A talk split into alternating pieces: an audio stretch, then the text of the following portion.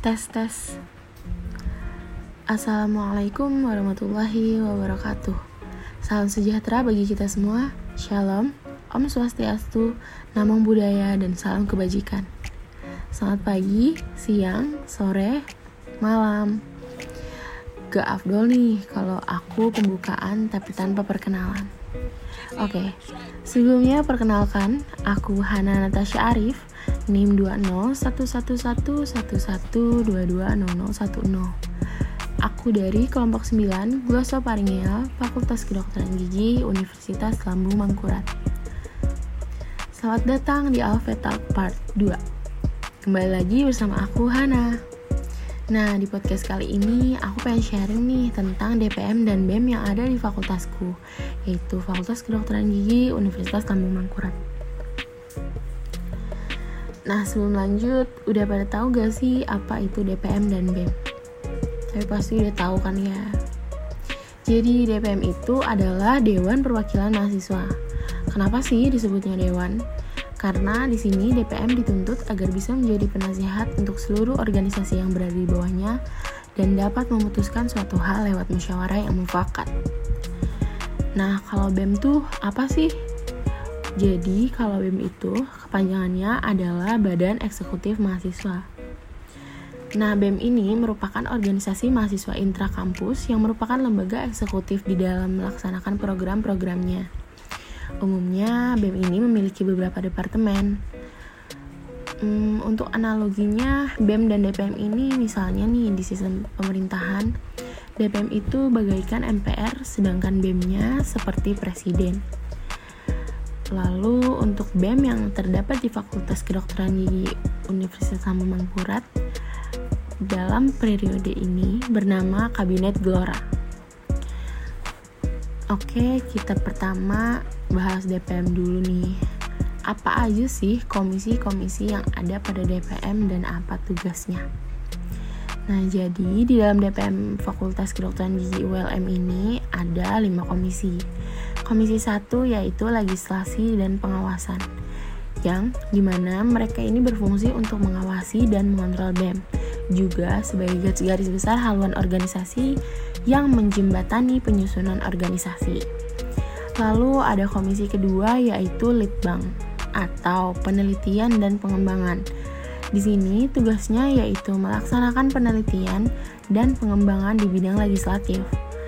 Lanjut ke komisi 3 yaitu aspirasi mahasiswa.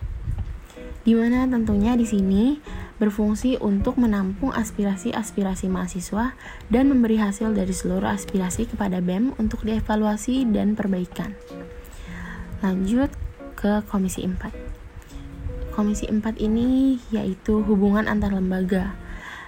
Mereka berfungsi sebagai penghubung antar semua lembaga dan yang terakhir ke Komisi 5 yaitu informasi teknologi sebagai sarana pengembangan legislatif yang berlandaskan dengan teknologi.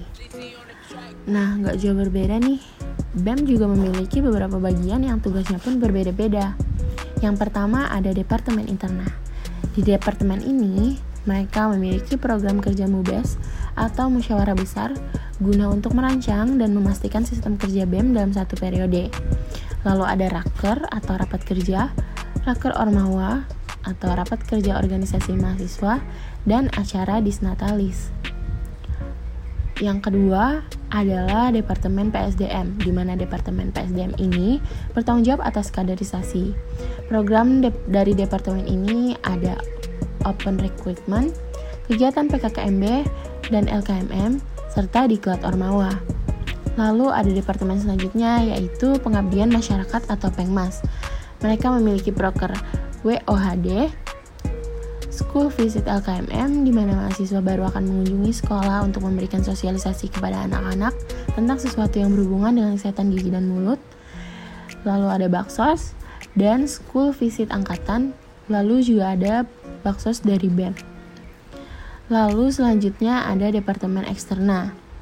Departemen Eksterna ini memiliki proker sinus, Selain itu juga ada Dentin yang di mana mereka mengadakan sosialisasi seputar kedokteran gigi dengan sasarannya anak SMA. Lalu di Dentin pun nanti juga akan ada tryout bersama.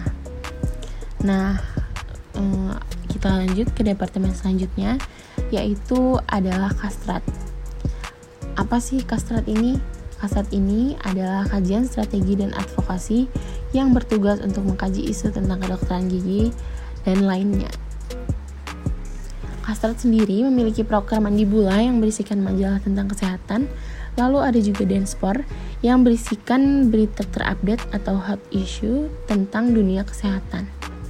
Lalu ada WNTD, yaitu singkatan dari World No Tobacco Day, yang nantinya itu memperingati tentang hari tanpa uh, tembakau sedunia.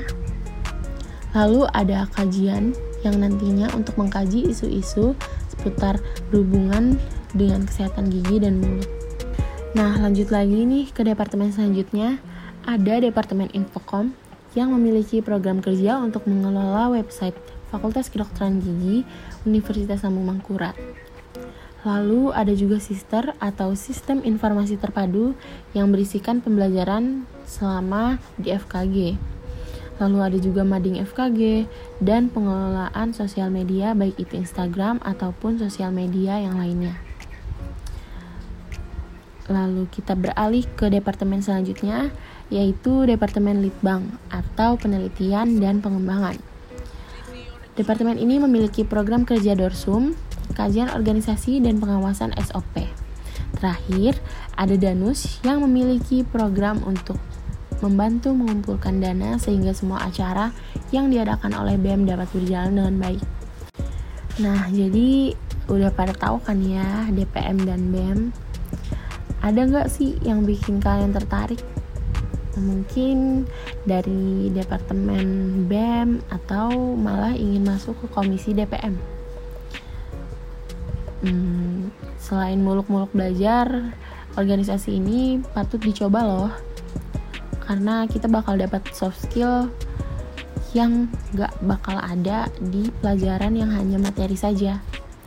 Nah, segitu dulu nih dari aku. Kurang dan lebihnya mohon maaf. Wassalamualaikum warahmatullahi wabarakatuh.